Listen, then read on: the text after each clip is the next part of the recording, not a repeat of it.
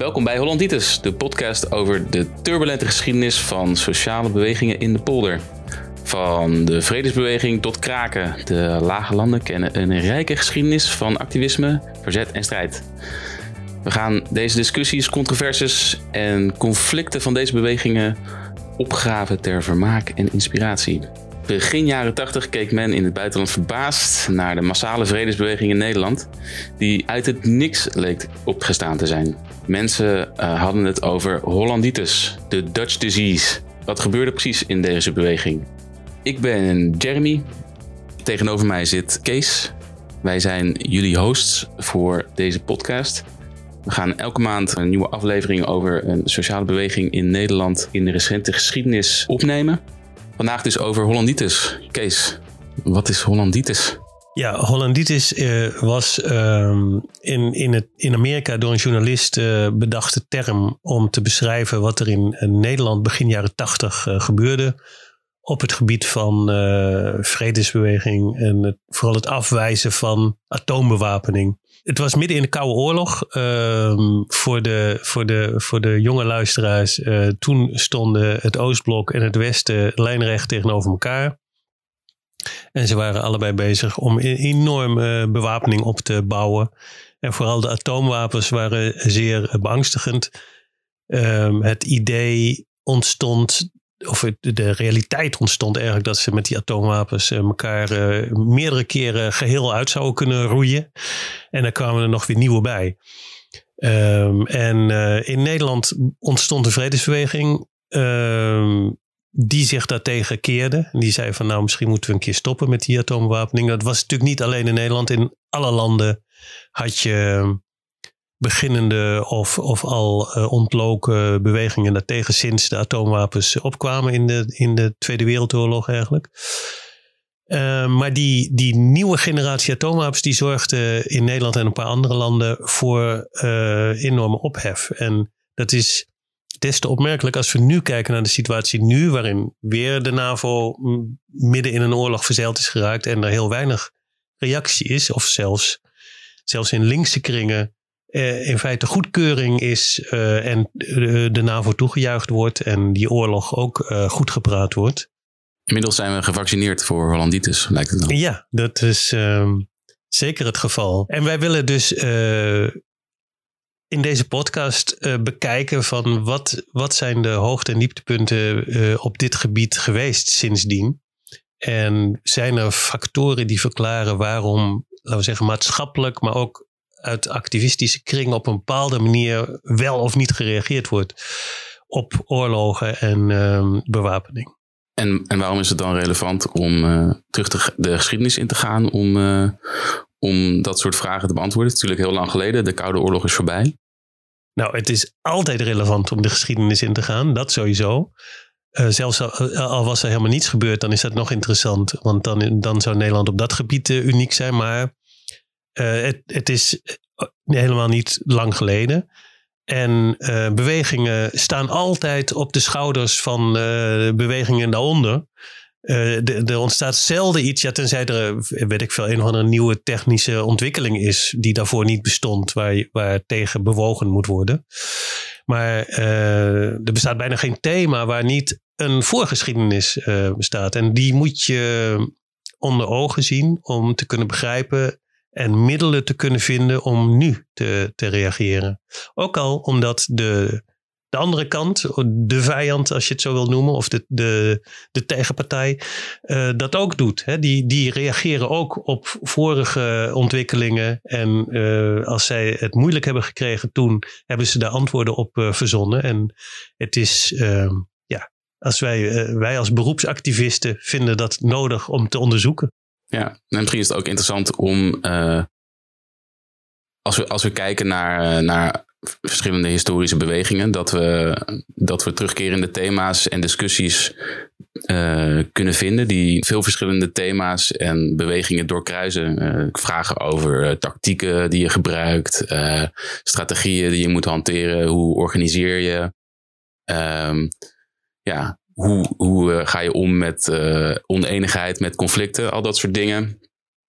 Die spelen op dit moment natuurlijk als als nooit tevoren. Um, maar wat we zullen zien, denk ik, als we gaan terugkijken, is dat ze altijd al als nooit tevoren uh, uh, een probleem waren.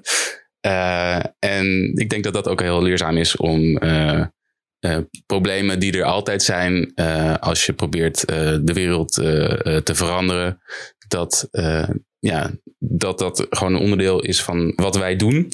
En hopelijk kunnen we door te kijken naar hoe andere mensen dat in het verleden hebben opgelost, uh, daar wat van leren. Ofwel uh, het heel anders aanpakken, ofwel misschien uh, hebben ze misschien wel wat dingen goed aangepakt waar wij wat van kunnen leren, die misschien helemaal in de vergetenheid geraakt zijn. Ja, en ik denk dat we ons, dat is het bijzondere van onze, want je kan ook zeggen, er zijn heel veel geschiedenisachtige podcasts of media-initiatieven waarom moeten wij daar nou ook eens een keer wat aan toevoegen? Maar wat wij in ieder geval uh, redelijk uniek hebben, is dat wij natuurlijk vooral daarop focussen, namelijk op, die, uh, op de bewegingsaspecten en de, de oplossingen die daar uh, gevonden zijn. in die zin zijn we enorm bevooroordeeld, ehm, schaamteloos, partijdig. Um, en misschien nog belangrijk om te zeggen dat wij natuurlijk, we zijn met z'n tweeën, uh, dat, dat doen we vooral omdat dat uh, uh, gemakkelijk is. Je gaat gewoon een tijd lang een onderwerp uitspitten en dan ga je het erover hebben. Maar dat wil niet zeggen dat wij denken dat we over al die onderwerpen de meest deskundigen zijn. Sterker nog, het, het zullen, bij al die onderwerpen zullen veel mensen zijn die veel deskundiger zijn.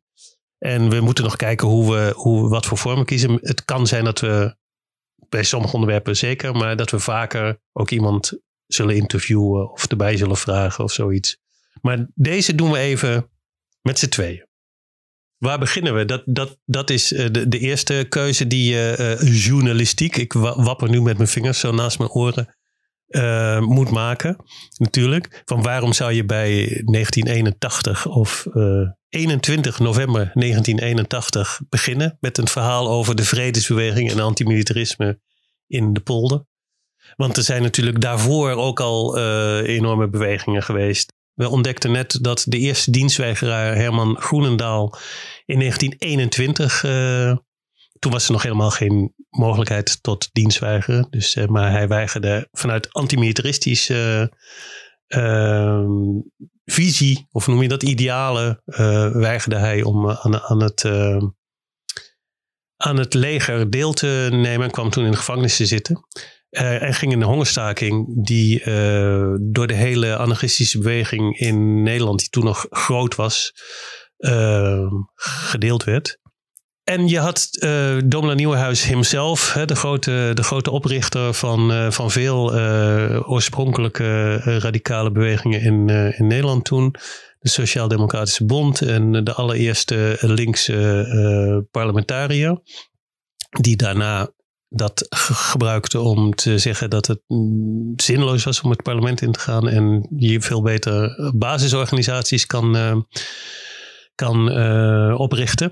Die heeft de IAMV helpen oprichten, de Internationale Antimilitaristische Vereniging, waar Nederland prominent lid van was. En dat was toen in linkse kringen. Eh, ook de Sociaaldemocraten hadden uh, het uh, vredesideaal hoog in het vaandel staan. dat was toen onder links was dat een algemeen gedeeld thema. Ja, het pacifisme. Ja, pacifisme en, en bij de anarchisten antimilitarisme. Dat, wat, toen was het verschil al duidelijk, want uh, de Sociaaldemocraten zijn natuurlijk ook ernstig verscheurd geraakt bij de Eerste Wereldoorlog. Toen een gedeelte, uh, de, de Duitse Sociaaldemocraten aan, aan de Duitse kant en de, in, die van de, de geallieerden aan de andere kant soms tot de oorlog gingen oproepen. En trouwens ook sommige anarchisten. Kropotkin is uh, beroemd geworden toen omdat hij vond dat de Duitse dreiging zo uh, groot was dat hij opriep om dan toch maar de, de andere kant te gaan, gaan steunen. Dus eigenlijk heeft de Eerste Wereldoorlog die heeft, die heeft voor een breuk gezorgd. Maar die traditie van antimilitarisme en pacifisme die is daarna ook wel weer groot geworden. Um, dus in die zin, dat zijn de, de reuzen waarop bewegingen in de jaren tachtig uh, op de schouders uh, staan. Ja, er was natuurlijk ook uh, in de jaren um, 60, eind jaren 60 en jaren 70 ook een beweging rondom de tegen de oorlog in, in Vietnam. Ja, ja, en Ban de Bom had je toen. En, maar die oorlog tegen, die beweging tegen de oorlog in Vietnam, die was, uh, ja, dus eigenlijk is dat een, een ander gebied, is dat. Die was niet zozeer tegen, ja, toch wel, het overlapt natuurlijk enorm. Dat ze ook tegen oorlog en destructie en wapens en weet ik veel wat zijn. Maar het was vooral solidariteit met Vietnam. Dus in die zin past het meer in het onderwerp solidariteitsbeweging en hoe die is ontstaan en, en gegroeid. Ja, want Nederland had geen directe rol in, in, die, in die oorlog, in tegenstelling tot waar we het zo meteen over gaan. Ja, precies. Want dat was daarna toen de NAVO opgericht werd, uh, was dat wel anders. Is Nederland een hele prominente rol uh, gaan spelen. Maar toch, die uh, vredesbeweging van begin jaren tachtig, die is wel ehm, onze aandacht waard. Het is ook een moment in de geschiedenis geweest, en waarschijnlijk nog steeds, waarin een paar van de grootste demonstraties in, eh, in Nederland uh, plaatsvonden. En dat is natuurlijk heel opmerkelijk, dat in zo'n zo'n gezapige en, en dociele uh, maatschappij als de Nederlandse vaak is, zeker als het gaat om, om kwesties als NAVO en het Atlantische vriendschap met, met de Verenigde Staten en, en dat soort dingen, dat daar plotseling een, een gigantische breuk kwam. Um, wat dat verklaart, daar kunnen we het straks nog over hebben. Maar het gebeurde in ieder geval. Er was op 21 eh, november 1981 een demonstratie in Amsterdam. Waar naar schatting 400.000 mensen kwamen demonstreren. Tegen eh, herbewapening of, een nieuwe generatie atoomwapens van de NAVO. Ja, mijn, mijn ouders, die, eh, die verder helemaal niet politiek zijn en pas net in Nederland waren komen wonen, die, die hebben mee, daarin meegelopen met mijn, uh, mijn broertje als baby uh, op de schouders van mijn vader. Dus zeg maar, dat, ze hebben nog nooit daarvoor of daarna aan een demonstratie meegedaan. Dus dat zegt volgens mij ook al wat over hoe breed gedragen die, die, dat sentiment op dat moment was. Ja, om, om ook een persoonlijk voorbeeld uh, van mijn kant te noemen. Ik uh, kwam uit Haaksbergen, dat, is in Twente. ook, staat ook niet bekend om enige revolutionaire oprispingen of wat dan ook. Maar daar zijn twee bussen met demonstranten vandaan vertrokken. Een dorp met, weet ik veel, 20.000 inwoners of zo. En dat gold natuurlijk voor alle dorpen en, en plekken in heel Nederland. En dan heb je op een gegeven moment 400.000 mensen bij elkaar. Nou ja, die uh, demonstratie die is een beetje uh, gemythologiseerd, of, of hoe heet dat? Maar hij was ook wel echt zo gigantisch dat de hele stad min of meer erdoor uh, bevangen raakte. En een anekdote die ik nog herinner is dat geconstateerd werd op een gegeven moment dat de laatste mensen van de demonstratie moesten nog vertrekken toen de voorste alweer aangekomen waren op het museumplein. Waar het, dus die, ging, die, die kring was gesloten. En het was, ja, het was niet een rondje om de kerk. Uh, en het vreemde, wij, toen wij dit uit gingen zoeken, um, toen wij feiten gingen opdiepen over die periode, toen uh, zagen we dat uh, er daarna nog een tweede demonstratie is georganiseerd. Want het, was niet, het pleit was niet meteen beslecht. Um, in Den Haag, twee jaar later, op, in 1983, waar nog meer mensen. 550.000 uh, mensen zijn daar toen. Uh, nou ja, ik, of die getallen altijd helemaal kloppen, maar dit is geen getal van de demonstranten of, uh, zo. Dat is ehm, redelijk waarheidsgetrouw, denk ik. Dus die was nog veel groter. Maar die is verdwenen in de geschiedenis. Of daar hebben veel minder mensen het over. Die, die eerste in Amsterdam, die, het is natuurlijk ook omdat Amsterdammers altijd de, het nieuws maken en claimen. Ja, plus dat als je demonstreert in Den Haag, dan probeer je de ervaring zo snel mogelijk te vergeten. In mijn ervaring. Dat, dat ze ook kunnen demonstreren in Den Haag is, uh, is bij voorbaat. Um, daar kunnen we ook nog eens een keer een, een uitzending over maken. Uh, een verloren zaak eigenlijk. Uh, wat niet wil zeggen dat je het niet moet doen. Um, maar goed, dus in die periode was een massale mobilisatie. Uh, in die zin dat zelfs meer dan, ik geloof dat meer dan een procent van Nederland uh, aan die demonstratie meedeed. Dat is, dat is nooit eerder voorgekomen en daarna ook nooit, uh, nooit meer. Er zijn natuurlijk wel hele grote demonstraties geweest, maar niet in die, in die mate. En wat interessant is natuurlijk om ook te constateren, is dat toen een, rijke uh, beweging, wij gebruiken de hele tijd het woord beweging.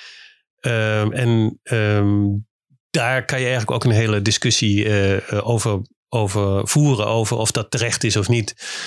Ehm, want het, Wat is een beweging? het, het suggereert een soort eenheid van, van hè, dat er van tevoren afspraken over zijn gemaakt, over wat die beweging precies wil en dat je daar lid van kan worden en weet ik veel wat. Terwijl het in werkelijkheid eh, vaak een veel, eh, eh, eh, veel meer ruis in zit. En bestaat uit allemaal losse elementen die wel of niet samenwerken. En met dat allemaal samen, dat, dat diffuse geheel, ehm, wordt dan beweging genoemd. Ehm, terwijl het, terwijl het geen, geen bewust georganiseerde beweging is. Het is meer iets wat ontstaat eigenlijk. Ja, dus er bestaat ook allemaal verschillende organisaties. eh, mensen die misschien dingen horen op, het- op het nieuws en dan eh, op eigen houtje naar een eh, grote demonstratie toe komen. Of via een bus die uit de buurt vertrekt. Nou, die vredesbeweging, daarvoor geldt het wel. Dat je dat, je kan een paar belangrijke organisaties, die waren vooral kerkelijke organisaties toen. Het IKV, Interkerkelijk Vredesberaad en Pax Christi. Ehm, die hebben eigenlijk die, die campagne gelanceerd. En die deden ook de, de organisatie. Eh, er waren meer eh, grote, eh, je zou ze tegenwoordig NGO's eh, noemen, bij, bij betrokken. Maar dit waren wel de belangrijkste. Maar wat ik, wat ik wou zeggen was dat er in die tijd ook een enorm ehm, veel kleinere, maar toch wijdvertakte antimilitaristische campagne. Of campagne is, ook weer het verkeerde woord. Ik wou, ik het woord beweging eh, proberen te vermijden. Maar er bestaat eigenlijk geen, geen goed alternatief voor. Dus vanaf nu spreken we af als we beweging zeggen. Dan bedoelen we dat diffuse eh, gebeuren. Antimilitarisme was een, was een reële eh, actie thema in, in, in Nederland. Waar allerlei verschillende groepen waren daarmee bezig. En dat overlapt gedeeltelijk ehm, de vredesbeweging. Ehm, en het is een ingewikkeld verhaal, omdat die vredesbeweging eigenlijk voornamelijk met die atoombewapening bezig was. Eh, dat was de, de, de trigger. En er was, was ook in die tijd waren er debatten, was ook kritiek op dat er veel te veel eh, gefocust werd op dat eh, angst voor een naderende atoomoorlog.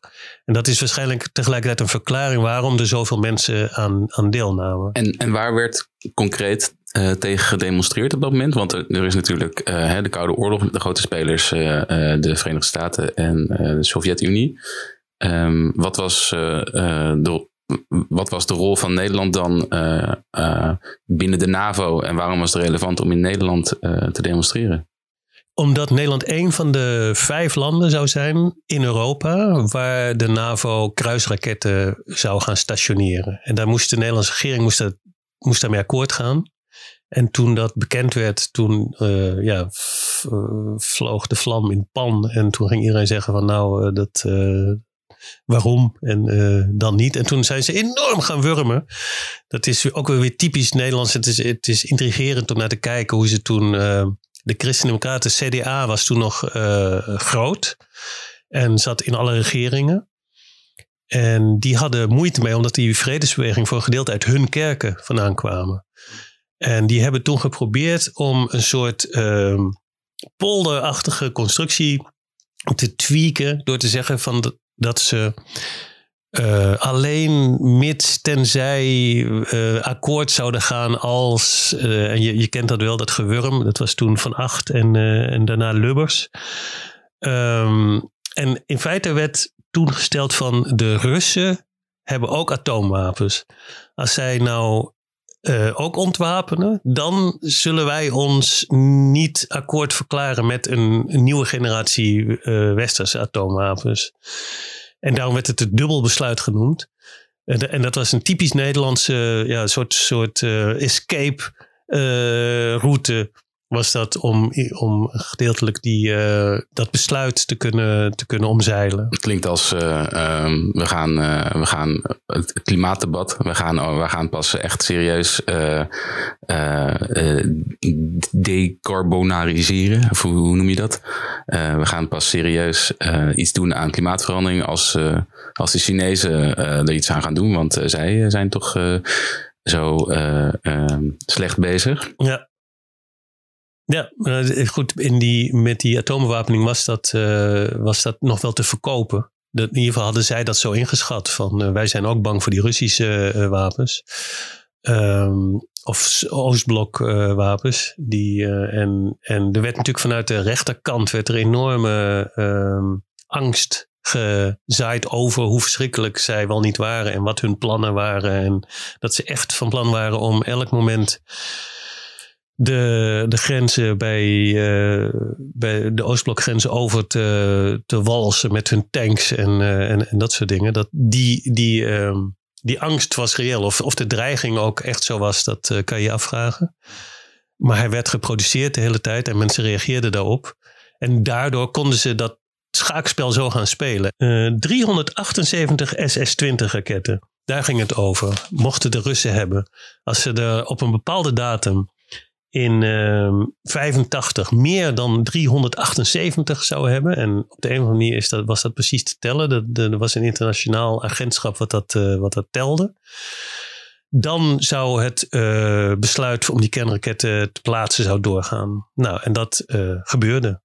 Dus toen, ondanks die gigantische mobilisatie, die enorme ehm, demonstraties, werd uh, het besluit genomen om uh, kernraketten in Woensdrecht te gaan uh, neerzetten. En toen is een gedeelte van die antimilitaristische slash vredesbeweging is ertoe overgegaan om Woensdrecht als object van acties en, en, campagnes te gaan kiezen. Hm. Misschien is het ook interessant om even een stapje terug te nemen en te kijken naar die verschillende organisaties, actoren in, in die beweging. Uh, want je geeft al aan dat, dat er een soort van uh, scheiding was tussen de, de vredesbeweging uh, aan zich en de antimilitaristische tak daarvan. Um, wat waren de, um, ja, de verschillende standpunten of discussies die, of misschien conflicten die, um, ja, die er op dat moment waren? En hoe, hoe is het ze gelukt om, ondanks zeg maar oneenigheden alsnog zoveel mensen op de been te krijgen? Ja, ik denk um, dat dat moeilijk, um, dat laatste, dat is natuurlijk een, een samenspel van allerlei factoren. Um, en ik denk dat er ook in die tijd, er waren heel weinig openlijke wrijvingen tussen de meer radicale antimilitaristische bewegingen en de vredesbewegingen. Het was meer dat ze elkaar mm, negeerde, of noem je dat, met rust lieten. Dus er waren, er zullen heel veel antimilitaristen aan die vredesdemonstratie hebben deelgenomen, maar niet met stellingen over dat ze niet ver genoeg gingen. Maar de kritiek uh, was daar bijvoorbeeld dat, uh, dat er veel te weinig over de structuur achter uh, de bewapening ging. Dat het te veel gefocust was op, op die nieuwe generatie atoomwapens ook nog. En te weinig op het fenomeen NAVO en westers imperialisme en, uh, en, en de, de, de, de, de op, opbouw, laten we zeggen, van een maatschappij die uh, onder andere voor militarisme en voor oorlogen uh, zorgt. Ja, dit, dit was de kritiek van de antimilitaristische uh, tak van, van die bredere vredesbeweging. Ja, gedeeltelijk. Uh, en, maar veel, veel mensen vonden het natuurlijk op dat moment vonden het al lang uh, goed dat er plotseling dit soort demonstraties mogelijk waren. En het zal elkaar vooral aangevuld hebben. Maar ehm, en bijvoorbeeld wat, wat niet vergeten moet worden, ook voor het beeld, is dat er toen nog dienstplicht bestond in, in Nederland. En dat was een, um, was een ingrijpende uh, plicht die de staat uh, alle jongens um, of mannen oplegde. Die, die, die dwong je om, ehm, als je 18 werd geloof ik, moest je je gewoon een jaar bij een kazerne melden en daar een uniform aantrekken en totaal onzinnige werk meestal uh, gaan doen. Maar ook leren schieten en marcheren en, uh, en, dat soort dingen. Dat was elke, elke jongen die 18 werd. Er waren een paar uitzonderingen.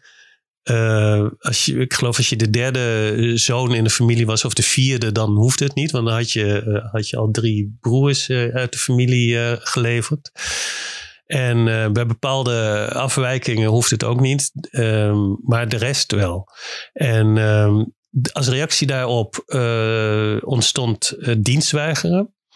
En dat was ook op een gegeven moment een recht, is dat geworden in Nederland. Maar dat was heel erg beperkt. Je, je, mocht, je werd alleen maar goedgekeurd voor dienstweigeren als je totaal pacifist was. Dus dan mocht je ook niet zeggen dat ja, het, feit dat een bevolking in Vietnam zich uh, verzette tegen in oorlog door de Amerikanen, dat dat wel terecht was of zo. Want dan, je, moest voor een soort rechtbank komen, daar werd je geroosterd en dan aan het eind werd bepaald of jij dan in aanmerking kwam. En ook belangrijk, je kwam dan in aanmerking voor vervangende dienstplicht. Dus je moest dan nog steeds moest je door, de, door de staat der Nederlanden ergens neergezet worden.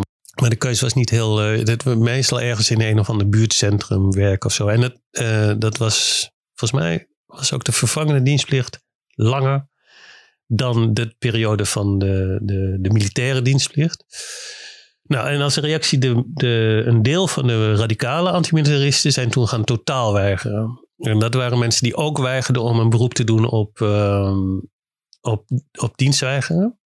Ze zeiden van ja, wie is die staat om mij te gaan beoordelen of ik, uh, nou enzovoort. En dan kwam je in de gevangenis terecht. En die mensen die zaten allemaal anderhalf jaar uh, in de gevangenis. Omdat ze ja, niet op waren komen dagen bij hun uh, keuring. Dat, dat was altijd de eerste moment. Ze hebben niet eens hun best gedaan om afgekeurd te worden. Ik weet dat de, de vader van mijn partner, die, die, heeft altijd een sterk verhaal dat hij, dat hij een, een, een nacht doorgetrokken heeft, kaart gebloot en gezopen. En toen als een, een soort van paranoïde schizofreen aankwam bij de keuring en, en is afgekeurd. Ja. Um, maar er werd principieel gewoon gezegd, we gaan niet eens meedoen. Die, die, die groep die deed dat. Die vond dat uh, slap en, uh, en uh, watjesgedrag. Nou, um, er waren ook mensen die, die het daar niet mee eens waren. Die ook hartstikke antimilitaristisch waren. Maar vonden dat, je niet, dat het onzin was om je maar uit te leveren. En, en vrijwillig te gaan zitten. Uh, maar desondanks, uh, ik, ik, ik heb me ook af laten keuren. Dat een vriend van mij in, in mijn klas, die werd afgekeurd omdat hij enorm stotterde. En dat, dat stotteren was een, een uh, volgens hun dan een, eh, een fenom, hoe noem je dat? Een symptoom van dat hij heel onzeker was en weet ik veel wat. En toen heb ik hem gevraagd hoe hij dat dan deed. En toen heb ik van hem leren stotteren en toen is dat mij ook gelukt. En ik heb er ook bij gezegd dat ik altijd paniekaanvallen had en nog steeds in mijn bed plaste en uh, dat soort dingen. Dus dus toen uh, hebben ze me S4 gegeven. En mijn huisarts die krijgt dan zo'n briefje. En die was heel verbaasd over alle problemen die ik had. Die belde nog op. En toen heb ik met zo'n knipoog gezegd dat het om de dienstkeuring ging. Nou, en dat betekende toen dat je niet in dienst hoefde, maar wel opgeroepen kon worden. En dat is trouwens nou nog steeds zo, want de dienstplicht is in 1997 opgeschort. Hij is nooit afgeschaft. Hij bestaat nog steeds. Je kan nog steeds, stel dat uh, Luxemburg. Uh, Luxemburg, ja, laten we die nemen. Uh, denkt van nu is het genoeg geweest met die belastingparadijzen in Nederland. we vallen ze aan. Dan kan je gemobiliseerd worden. Maar goed, wat, wat ik wil zeggen was die dienstplicht. die zorgde voor een enorme ehm, gespannen relatie tussen een deel van de Nederlandse bevolking. En het leger en het militaire apparaat.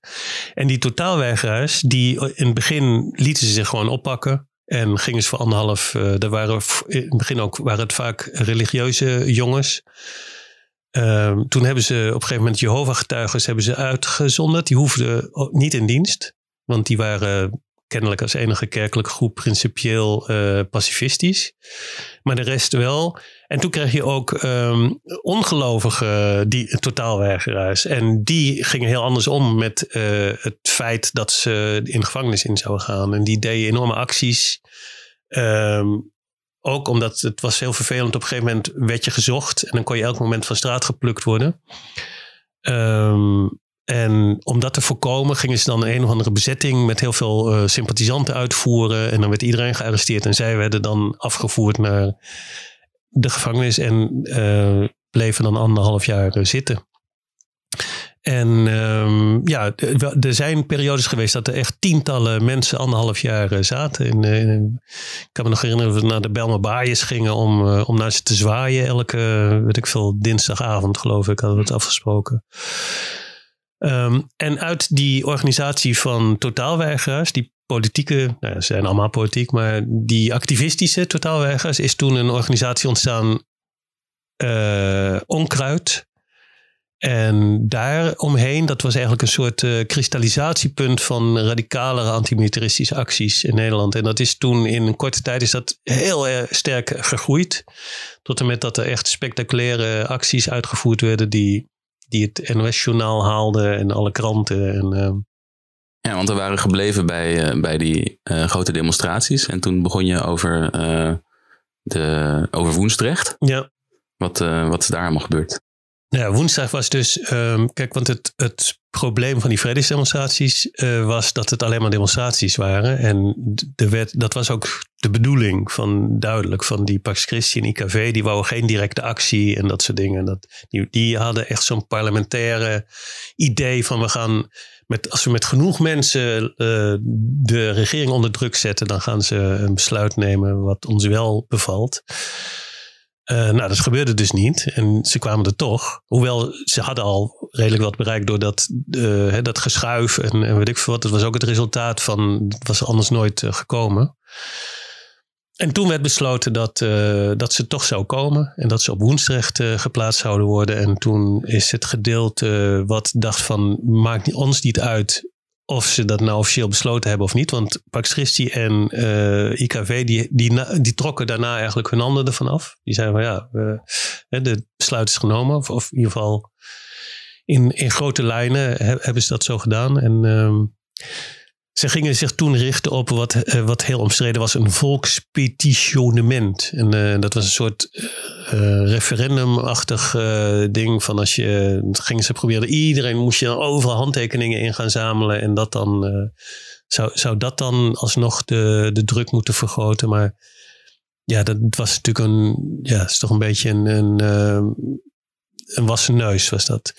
Dus een gedeelte van die beweging is toen Woensdrecht gaan uh, targeten. Daar ontstond uh, een vredesactiekamp. Uh, dat was daarvoor ook al, hè, want ze wisten dat het woensdag en Volkel zijn de twee plekken waar die uh, atoomwapens uh, dreigden te komen. In Volkel had je een vrouwenactiekamp, wat het jarenlang vol heeft gehouden, ook in de, in de barre winters die er toen nog waren. En in woensdag was het gemengd, want uiteindelijk werd ook beslist dat ze in Woensdag zou komen. En toen ontstond daar een soort nood, permanente noodtoestand uh, rondom dat gebied. Er zijn enorme hekken omheen gebouwd met zware uh, bewaking en weet ik veel wat. Maar er waren ook uh, campagnes om Woensdrecht te gaan blokkeren of bestormen. En ja, dat deden, dat deden wel een, nou, ik heb de getallen niet paraat, maar uh, duizenden mensen mee. Dat waren grote, grote campagnes. En um, het is nooit gelukt om, uh, om echt, uh, wat, wat bij kerncentrales in, in Duitsland bijvoorbeeld, of sommige andere landen wel lukt, dat uiteindelijk het terrein kan bezetten of zo. Daar gaan we nog over hebben. Daar gaan we het zeker over hebben. Want dat was ook inspiratie voor de, die anti-kernenergiebeweging, die tegelijkertijd enorm opgebloeid was die was gedeeltelijk uh, was dat het model voor hoe je zo'n uh, uh, Woensdrecht campagne. En het was toen nog bon ton onder de activisten om affinity groepen op te richten. Basisgroepen werden die toen genoemd. Er was ook een overleg van basisgroepen. Uh, dus dat was eigenlijk de structuur die buiten die vredesbeweging uh, omgeorganiseerd werd om directe actie te kunnen voeren. En wat was um, de, um, de reden of de inspiratie uh, om over te gaan tot een uh, bezetting en uh, tot directe actie? Er zijn natuurlijk allemaal verschillende vormen van directe actie te bedenken. Ik denk dat, we, dat er in de komende maanden genoeg de revue zullen passeren. Maar waarom een, een actiekamp op, op locatie? Ja, omdat dat nadat het, toen het besluit eenmaal genomen was, uh, was dat, er zijn meer acties gevoerd hoor. Uh, andere waar ik ook bij betrokken was, uh, was de, meteen nadat ze besloten in 1985 om door te gaan met die plaatsing van die kruisraketten, hebben we het hoofdkantoor van de VVD in Amsterdam bezet met een groep van ik veel, 60, 70 mensen. Het was toen in gebruik. We hebben, al die mensen zijn uitge, uitgebonjourd en toen is het gebarricadeerd. En, uh, En hebben we beneden in de kelder bleek een uh, bar te zijn. Maar het is wel de VVD, dus anders worden die koorballen allemaal niet, uh, niet lid. Dus daar hebben we ons verschanst. En uiteindelijk zijn we met harde hand door de ME eruit geslagen. En afgevoerd naar Nieuwe Sluis, waar we dagenlang gezeten hebben. En redelijk zwaar mishandeld zijn ook. Dat was toen een. omdat het een schandaal werd, dat we afgetuigd werden en elke nacht in ons blootje met uh, koud water bespoten werden en dat soort dingen, hebben ze ons vrij moeten laten. Um, dus dat was ook een actie, was een directe reactie op. maar toen was er ook een demonstratie in Amsterdam. Het idee was dat die twee acties, dat die demonstratie langs dat bezette VVD-kantoor zou gaan.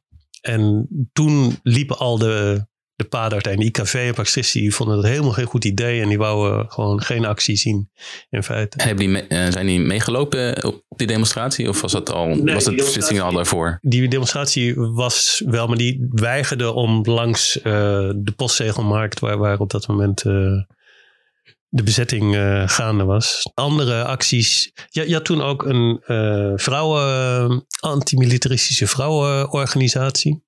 Vrouwen tegen militarisme goede naam. En een van hun acties, die is ook uh, spectaculair geweest. Ze haalden alle kranten. En weet ik wat was dat ze een villa overvallen hebben in Heems, Heemstede. jou wel bekend waarschijnlijk. Hij is later gekraakt, twintig jaar later. En in die villa, dat was onderdeel van, van het ministerie van Defensie. Daar werden de videobanden verzameld die naar de kazernes voor de jongens gebracht werden. En uh, iemand had ontdekt dat ze voornamelijk porno te zien kregen. Dat was een, uh, een, een, mooie combi voor die vrouwen. Die, die dachten van ja, die, die militairen, die leger, die soldaten hadden ze natuurlijk uh, niks mee. Daar hadden ze een hekel aan. Maar dat die ook nog eens een keer daar zich gingen verlustigen op vrouwenlichamen en weet ik veel wat. Dus ze hebben op een gegeven moment een actie gedaan om die vrachtwagen met de videobanden die langs alle kazernes reed, om die ergens in een hinderlaag te vangen en dat hele ding uit, uh, uit te kleden. Er zijn prachtige foto's van, van allemaal uh, gebivakmutste vrouwen die met van die rollen eh, VHS-tapes bezig zijn. Helaas zijn we alleen audio, maar misschien kunnen we de foto op de website zetten. En dat zijn voorbeelden van eh, directe acties die toen uh, ja, redelijk frequent voorkwamen. Er zijn ook uh, blokkades van treinen met munitie geweest toen, munitietransporten. Er was een oproep om in heel Nederland aan de noodrem te trekken op een bepaald moment. Om, om de rol van de NS bij het transporteren van, van wapens te, te problematiseren. Dat waren omstreden acties, omdat natuurlijk overal in Nederland treinen uh, vast kwamen te zitten, of in ieder geval stil kwamen te, te liggen. Um, nou ja, en, maar Woensdrecht werd het centrum van, van de aandacht, omdat daar echt die uh, kernraketten zou komen. En uiteindelijk is, um, is dat ook niet doorgegaan. Echter, als gevolg van de doorbraak die werd bereikt met het INF-verdrag, ging deze plaatsing niet door. Zo werd van de vijf beoogde plaatsingslanden Nederland het enige land waar nooit kruisvluchtwapens zijn geplaatst. Maar dat had natuurlijk niks te maken met, uh, met uh, anti-militaristische beweging, met nee. uh, bezettingen, blokkades, nee. grote publieke ehm, onvrede. Ze hadden daar een, een, eigen bureaucratische reden voor waarom ze, waarom ze toch besloten om um, om er niet toe uh, over te gaan. Precies, en het was ook veel later. Hè, toen, je, je had uh, ontwapeningsonderhandelingen die toen nog uh, af en toe resultaat opleverden. En um, ja, toen, toen werd besloten dat ze niet nodig waren omdat de Russen ook minder atoomwapens of ergens water bij de wijn hadden gedaan. En, maar er, er liggen nog steeds atoomwapens in Volkel. En uh, dat is een uh, publiek geheim, is dat. Officieel mogen we dat niet weten en uh, weet ik veel wat. Maar, en die, maar die staan onder Amerikaans beheer. Er is een stukje op volken. Daarom zijn er ook nog steeds acties van, van de restanten van die anti-kernwapenbeweging. Om te eisen dat dat opge, opgeheven wordt. En daar zijn ook, ja, daar was dus dat vrouwen vredeskamp was, om die reden was dat in Volkel. Dat is eigenlijk een duidelijk voorbeeld van een hoogtepunt uh, uh, in bewegingstermen. Er was toen veel gaande. en dat kalft weer af. Dat, dat is ook onherroepelijk. Er is nog nooit een beweging geweest die eeuwig bleef bestaan. zelfs, zelfs kerken niet, of het kapitalisme ook niet. Daarna kwam een periode van zelfs sterke dauw, of hoe noem je dat? Ehm, een dip. Neergang. Ja. Oké, dus we hebben nu gesproken over de uh, vredesbeweging, over de antimilitaristische beweging in de jaren tachtig. Um, die was, uh, ja, was een, een, hele brede beweging met uh, militante takken die allemaal dingen van, van grote demonstraties tot directe acties, blokkades, bezettingen, actiekampen, ehm, videoband, ver, ver, vernietiging alles is uh, de revue, revue, gepasseerd. Wat is de volgende, volgende uh, stap in, de, in dit verhaal? De Koude Oorlog eindigde eigenlijk met de val van de muur. Dat kent iedereen, dat gaan we niet uitleggen. Uh, en anders dan zoeken jullie dat maar op op internet, want daar is het voor. Welke muur was dit? die in Berlijn. Ehm, en de ontwikkelingen die dat met zich meebracht. Natuurlijk het uiteenvallen van het Oostblok. Uh, Gorbachev, Yeltsin, dat soort uh, ontwikkelingen. Ehm, nu, nu lijkt dat weer alsof het uh, ja, niet gebeurd is. Want de vijand is weer Rusland. Tenminste, wordt het gezien door, door de NAVO. En veel voormalige linkse mensen die dat nu wel accepteren op de een of andere manier. Maar in ieder geval toen kwam er een einde aan die spanningen en die bewapeningsissues. Um, en toen stortte ook veel uh, bewegingen in, kan je achteraf concluderen. Of die kalfde af. Dus het was een proces wat al, in, in, uh, wat, wat, al gaande was. Maar in de jaren negentig uh, versneld voortging eigenlijk. Het was het idee ook van het einde van de geschiedenis.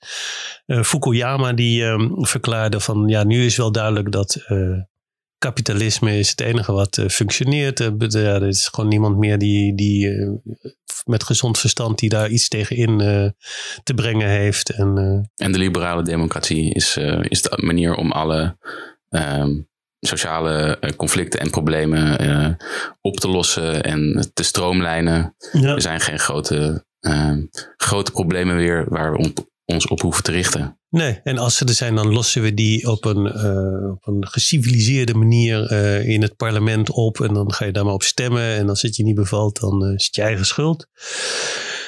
Maar goed, de oorlogen gingen ook door. Kijk, dat is natuurlijk ook één ding wat we. Een van de kritieken van de meer radicale activisten is dat er weinig zicht was voor de warme oorlogen die tijdens de Koude Oorlog plaatsvonden. Ja, dat, we hadden het net al over Vietnam. Dat is eigenlijk zo'n typisch voorbeeld daarvan. Maar dit speelde zich eigenlijk overal in wat de periferie werd genoemd. Latijns-Amerika met die verschrikkelijke dictatuur in Afrika. Met de frontlijnstaten en, en andere landen die probeerden om zich onafhankelijk eh, te maken. Indonesië is natuurlijk een waanzinnig eh, voorbeeld. En daar was die oorlog helemaal niet koud. Daar was die hartstikke heet. Terwijl er toch veel mensen niet dat verband tussen die twee legden. Maar in ieder geval een van de oorlogen die na het val, de val van de muur uh, losbaarste en waar de NAVO direct bij betrokken was, was die tussen Irak en Kuwait. De Golfoorlog uh, heette dat toen en dat was een gruwelijk uh, tafereel was dat. Irak, toen nog Saddam Hussein aan, aan de macht. En dat was een gruwelijke dictator, dat wist iedereen. En die annexeerde Kuwait, waar natuurlijk olie zat. En de precieze redenen zijn altijd een beetje mysterieus gebleven, maar achteraf is wel duidelijk geworden dat de Amerikanen dat uitgelokt hebben en hem het idee hadden gegeven dat ze dat tussen door de vingers uh, zouden zien. Dus dat hij dat uh, kon doen. Um, in ieder geval, hij deed het. En toen wat volgde was een gruwelijke, gruwelijke oorlog van de NAVO zonder de VN trouwens. Dat was, dat was uh, ook al nieuw op eigen houtje gingen ze daar even voor uh, politieagent van de wereld uh, spelen. En ja, er waren wel protesten tegen in Nederland. Als we, als we dat uh, als perspectief blijven houden. Van hoe werd erop gereageerd. Maar dat was niet in vergelijking met hoe daarvoor in de jaren tachtig uh, gereageerd werd. Um, en een, een van de redenen is ook dat uh, een enorm propaganda-offensief rondom was voorbereid op, uh, of voorbereid of in ieder geval uitgevoerd, waarin de gruweldaden van Saddam Hussein enorm prominent uh, de hele tijd naar voren kwamen. Dus het, was heel moeilijk om je daartegen uh, te keren. Dat zie je nu ook weer met uh, Oekraïne en Rusland natuurlijk. En dat zie je elke keer, maar het wordt ook elke keer sterker. Wordt dat. En elke keer groter onderdeel van de militaire operatie om de hearts en minds, niet van de mensen waar de oorlog zich afspeelt, maar in de landen waar vandaan die oorlog uh, gevoerd wordt, om die te, te winnen. Maar dat, dat is natuurlijk ook een verdienste van uh, de vredesbewegingen in, en de solidariteitsbewegingen, uh, anti-militaristische bewegingen in uh, verschillende landen. Dat, dat blijkbaar um, het ertoe doet wat, wat mensen in, in de, de landen die de oorlog starten, de VS, Nederland andere NAVO-landen. Um, blijkbaar moeten die overtuigd worden dat, dat er echt oorlog gevoerd moet worden. als het als de, het protest tegen die oorlogen er niet toe zou doen, dan hadden ze ook geen mediaoffensief nodig. Dus dat, dat is op zich al een interessant uh, fenomeen. Dat, uh, dat ze in, in de VS in ieder geval na de, na de Vietnamoorlog, uh, waar natuurlijk gigantische media aanwezigheid was. En heel veel beelden van, ja, van gruweldaden en van, van Amerikaanse doden die werden afgevoerd. Um, dat ze in deze, in deze oorlog uh, dat hebben geprobeerd anders aan te pakken. En dus eh, in Nederland ook. Ja. Nee, zeker. Zo had ik het eh, niet gezien. Maar, um, maar um, het is nu zo'n vast onderdeel van het hele patroon geworden. Maar het is inderdaad omdat ze bang zijn voor een, een mondige bevolking. Um, die zich verzet, die ook wat gaat doen. Um, ja. Maar in ieder geval, toen gebeurde er weinig. En een van de redenen was ook dat uh, Saddam Hussein uh, Israël bedreigde. Maar dan ook letterlijk. Hij had raketten uh, richting Israël was hij aan het sturen. En hij hoopte daarmee waarschijnlijk de Arabische wereld en andere islamitische landen misschien aan zijn kant te krijgen. Hij was de enige die in staat was om om dat land uh, onder vuur te nemen. Maar aan de andere kant maakte dat natuurlijk de propaganda tegen uh, Irak heel makkelijk. En je, hoe kon je in godsnaam uh, verzetten tegen het, het, het, neerslaan van een regime wat, wat dergelijke aanvallen op Israël aan het uitvoeren was? Um, uiteindelijk werd er was nog even de angst dat ze daadwerkelijk in, in de invasie in Kuwait, dus vanuit NAVO, uh, zouden doorzetten naar Bagdad. En dat ze dan uh, heel Irak zouden bezetten. Maar dat heeft uh, de NAVO uiteindelijk niet gedaan.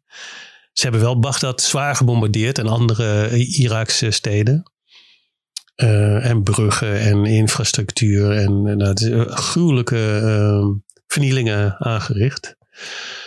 Um, en ze hebben natuurlijk een van de grootste massaslachtingen, wat, echt een, een uh, oorlogsmisdaad is geweest, van zich terugtrekkende Irakese militairen, een heel konvooi. Daar zijn gruwelijke films van, kan je zien met, misschien waren er toen al drones, maar in ieder geval vliegtuigen die eroverheen vlogen. En dan zie je echt tientallen kilometers aan een gort geschoten uh, uh, militaire voertuigen met de lijken van de soldaten die, die daarnaast liggen. En um, ja, er was hier eigenlijk te laat. Het, ging heel snel. Dus in die zin was het ook eh, moeilijk om daar snel op te reageren. Vanuit meer activistische beweging. We hebben toen nog ons voorbereid om. Want uh, een van de rollen van Nederland was uh, munitie. Die voor die oorlog gebruikt werd via de Rotterdamse haven. Met een trein, weet ik veel, waar naartoe brengen. En dat was op een gegeven moment was dat bekend. En toen maakten we ons op om die treinen te gaan blokkeren. En dat was precies op de dag dat er een einde aan de, aan de oorlog kwam. Dus die, maar dat is een van de weinige acties die ik me kan herinneren die, eh, die toen voorbereid werden. Verder was er, werd er weinig op gereageerd. En dat is typerend natuurlijk. We hebben nog een boek geschreven toen, uh, Een streep in het zand. Uh, omdat daar ging het eigenlijk over. Het verschil tussen Irak en Kuwait, dat bestaat eigenlijk niet. Dat, uh, is ooit door de koloniale uh, verdeling van dat deel van de wereld is daar ooit, zijn er ooit twee landen van. Maar dat was ook de reden waarom Irak dat altijd claimde als uh, onderdeel van het, van het land. Ja, en dan had je acht jaar daarna, uh, in de tussentijd waren er natuurlijk overal militaire interventies en oorlogen en weet ik veel wat, maar op, veel, op kleinere schaal misschien. Of in ieder geval uh, niet zo dicht bij huis als wat toen losbarstte in Kosovo. Bij het uiteenvallen van, van Joegoslavië. Wat eigenlijk nog steeds een na-effect is natuurlijk van het uiteenvallen van het, van het Oostblok. Joegoslavië was tot die tijd weliswaar een tamelijk onafhankelijk maar toch uh, onderdeel van het Oostblok geweest. En um, ja, toen, toen andere landen ermee ophielden met communistisch zijn, toen viel het helemaal uit elkaar. En, toen, en in, in dat proces kreeg je allerlei etnische oorlogen. Um, en Nederland heeft, uh, of de, de, de internationale gemeenschap, die probeerde dan in te grijpen. Eerst met de VN en, en onderhandelingen en uh, allerlei uh, diplomatieke oplossingen. En vervolgens met blauwhelmen die daar naartoe gestuurd werden. En waar Nederland natuurlijk een, een mislukte rol in gespeeld heeft met Srebrenica. Waar, waar, ze niet konden voorkomen dat er duizenden doden vielen. Ja, want, de reden van de NAVO was om, om etnische zuiveringen tegen te gaan. Um, nu is het uh, zelfs, zelfs dit ook wel een controversieel onderwerp. Uh, iemand als Noam Chomsky die, uh, die heeft destijds hierover geschreven en, en vertelt een hele andere ehm, ja, chronologie. Waarbij als je kijkt naar wanneer die etnische zuiveringen plaatsvonden dat in feite de, de etnische zuiveringen pas goed uh, echt op gang kwamen nadat, nadat de, uh, de oorlog uh, of de, de, de aanval was gestart door de, door de NAVO. En dat post facto de, juist die etnische zuiveringen zijn gebruikt als rechtvaardiging voor, voor de oorlog. Ja, ik weet, ik weet er te weinig vanaf. Waar we het nu over hebben, de, het moment dat de NAVO ingegrepen was toen Servië de onafhankelijkheid van Kosovo weigerde te uh, mee te gaan. Want daarvoor had je natuurlijk Bosnië, Kroatië, uh, had je al en Slovenië. Ik ben er toevallig laatst geweest, dus daarom ken ik de, de, de landen. Maar eigenlijk voor, voor ons toen, je ging er nooit op vakantie, want dat kon niet. het was Oostblok en sommige mensen die heel avontuurlijk waren, die kwamen Joegoslavië in of zo. Maar verder was het onbekend gebied. Maar het was wel vlak over de grens eigenlijk. Vanuit Italië kon je het zien liggen.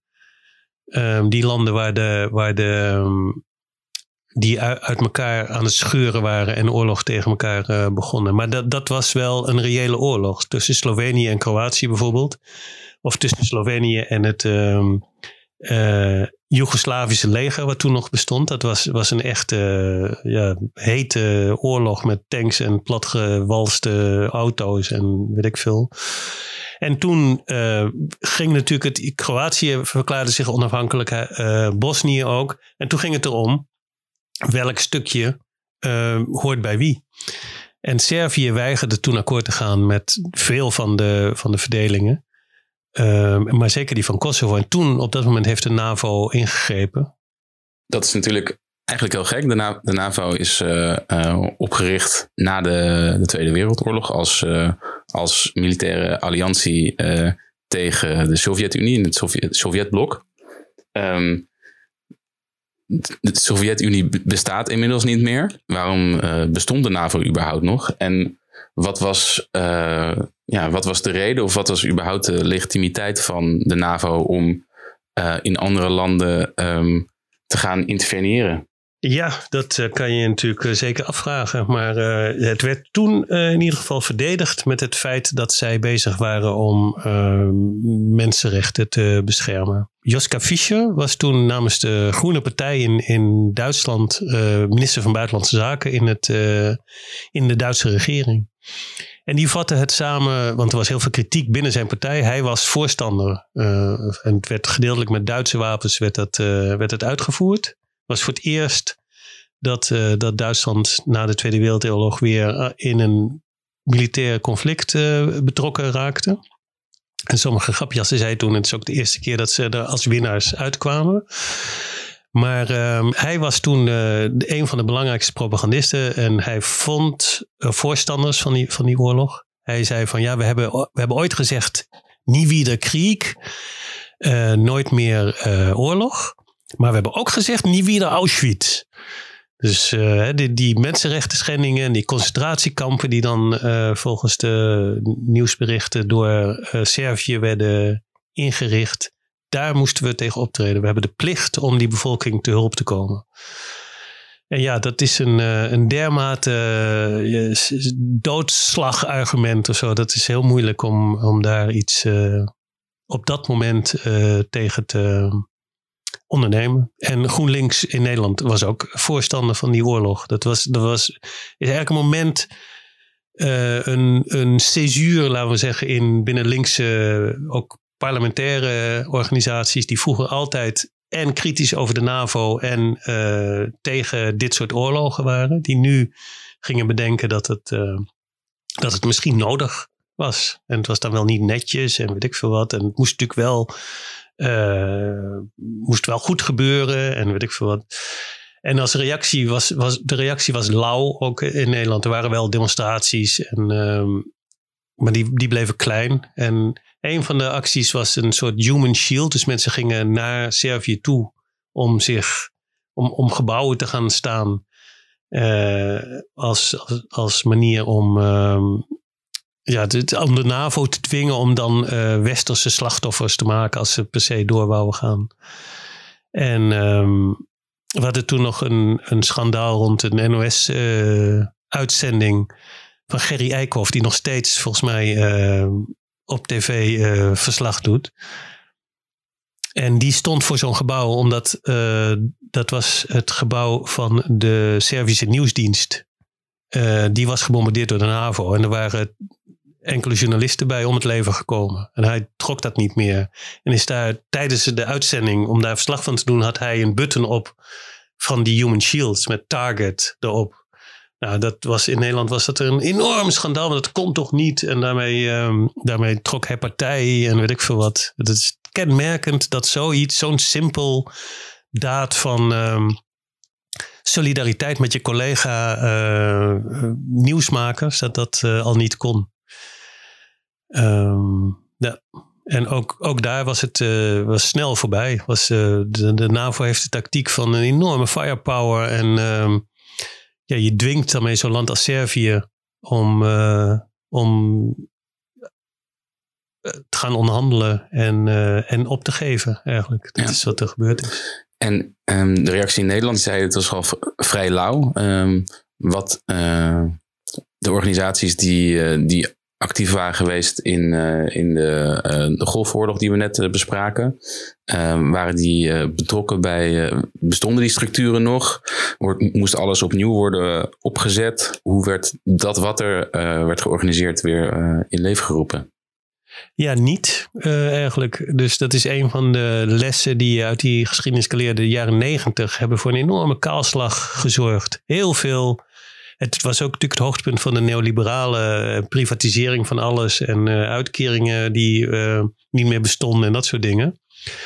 Um, en veel van die bewegingen die in de jaren tachtig nog bestonden, die waren ondertussen waren die of doodgebloed afgekalfd of ze waren naar de andere kant overgestapt. Want dat gold dus voor die grote kerkelijke vredesbewegingen die stonden aan de kant van de interventie. Die, die vonden ook dat die waren en we zouden nog steeds eens een keer een goed uh, na moeten zoeken wat er nou eh, in die propaganda waar was en wat niet. Hè? Van, er waren afschuwelijke verhalen over concentratiekampen en foto's ervan. Ik weet dat Chomsky en, Herman toen ook uh, in Covert Action op die foto's ingingen en konden bewijzen dat het gewoon voor een deel waren dat gewoon gefabriceerde ja, soort fake news zou je nu, nu zeggen. Maar voor een deel klopt het natuurlijk ook. Uh, en uh, Srebrenica was natuurlijk uh, was, was een oorlogsmisdaad van de Serviërs. Um, en die goed gepraat werd door Milosevic. En um, ja, dat, die dingen, ja, zoals, zoals bij alle, of bijna alle grote militaire conflicten, is het nooit 100% verzonnen. De, de gruweldaden van de tegenstander. Dus een gedeelte daarvan was, uh, was zeker waar. Maar dan nog altijd is de vraag: mag je daar, ben jij gerechtigd om daar met jouw uh, overmachtige leger, firepower, uh, gewoon maar in te grijpen. Ja, wat, is, um, wat is proportioneel? Um, en uh, maakt het, uh, het feit dat je interventie pleegt niet een erge situatie alleen maar erger? Ja. er zijn natuurlijk heel, het is natuurlijk een hele complexe ehm, discussie altijd, die ontzettend contextgevoelig is. Ja. Het is heel moeilijk om algemene dingen te zeggen over, over oorlogen of situaties, conflicten. Ja. Alles is zo, um, ja, elke situatie is, is anders. En uh, dat maakt het ook heel moeilijk om, uh, om algemene um, soort van dogmatische standpunten vasthouden, vind ik, over, over conflicten. En je moet er echt helemaal de diepte in gaan om, om, om denk ik, een, een, een gefundeerde mening te kunnen vormen over, oké, okay, wat zouden we eigenlijk moeten doen? En, en daar, daarbij is het van extra belang dat je luistert naar de mensen, uh, uh, de partijen die uh, in, in de landen waar die conflicten zelf plaatsvinden, ja. wat zij zeggen, wat zij nodig hebben. En niet alleen maar vanuit je eigen lens als. Van, in ons geval dan vanuit Nederland naar de rol van Nederland of de rol van de NAVO. Goed, we zullen zo meteen misschien nog wat situaties bespreken waar dit, dit relevant wordt. Ja, zeker. Want die oude vredesbeweging en antimilitaristische beweging, die hadden dat dus juist niet. Die, die hadden hele principiële stellingnames. Van je doet niet aan. Het hele leger werd in feite afgekeurd en ter discussie gesteld. En het maakt niet uit waarvoor. Maar minstens zo interessant is natuurlijk die rol van die grote NGO's die dan meegaan met de oorlog. Terwijl ze daarvoor een, een, een doorslaggevende rol hadden gespeeld in het mobiliseren van mensen ertegen. En dat is denk ik een grote verklaring van waarom uh, die grote mobilisaties niet meer plaatsvinden. En daar moet je dan als uh, soort alternatieve beweging dan tegenin proberen te roeien. Nou, dat is enorm ingewikkeld. Het zijn de vakbonden en de kerken en weet ik veel wat, die de structuur hebben en ook uh, de, de PR-machinerie en weet ik veel wat om grotere campagnes te kunnen lanceren. Dat, de middelen. En de middelen, ja. ja. Dus, maar in dit geval waren die uh, aan de kant van de NAVO en uh, daar, daar viel weinig uh, aan te tornen. En die deden dat snel, quick and dirty. En toen was het alweer voorbij. En er zitten nog allemaal interessante, of ja, interessant is misschien een verkeerde woord, maar ontwikkelingen in Servië bijvoorbeeld een, een van de dingen, ik, ik weet nog dat we demonstreerden er tegen op de Dam. En toen kwamen er ook Servische Milosevic-aanhangers. Die kwamen ook. En, en er ontstond een discussie van wat moeten we daarmee? Weet je, die, uh, uh, uiteindelijk heeft iemand die ik ken een van hun vlaggen in brand gestoken. Uh, want het was een nationalistische vlag. En ja, weet je, hun om duidelijk te maken dat, dat we ook niet aan hun kant stonden. En ik denk dat dat een discussie is die wel altijd weer, weer, weer terugkeert. Ja, nou, dit is voorlopig waar we het laten. En hier eindigen we dus het eerste deel van deze aflevering. We hebben het gehad over het ontstaan van de vredesbeweging en antimilitarisme in Nederland en haar oorsprong in de 20e eeuw, begin van de 20e eeuw. Toen hadden we het over de opleving van deze beweging in de jaren 80 met de komst van Hollanditis, de Dutch Disease. En we eindigden met de Eerste Golfoorlog tegen Irak en spraken zojuist over het dieptepunt waar deze beweging voor een groot deel voor de interventies zijn rondom de oorlog tegen Servië. Volgende week komt deel 2 van deze aflevering uit. Daarin bespreken we de opleving van de vredesbeweging rondom de zogenaamde War on Terror, naar de aanslagen van 9-11 op de Twin Towers en de Pentagon in de VS. En de daaropvolgende uh, oorlogen tegen Afghanistan en de Tweede Golfoorlog in Irak. We eindigen uh, de aflevering met een discussie van het huidige dieptepunt van de bevrijdingsbeweging, de oorlog tegen Oekraïne. Volgende maand uh, hebben we weer een nieuwe aflevering. Dat gaat dan over links en boeren in Nederland. Vond je dit een leuke aflevering? Ga dan naar hollandituspodcast.nl. Daar kun je nog veel meer vinden. Abonneer je op de podcast via jouw platform en deel het met al je vrienden en kameraden. We willen graag nog een aantal mensen bedanken die ons hebben ondersteund bij het maken van deze podcast.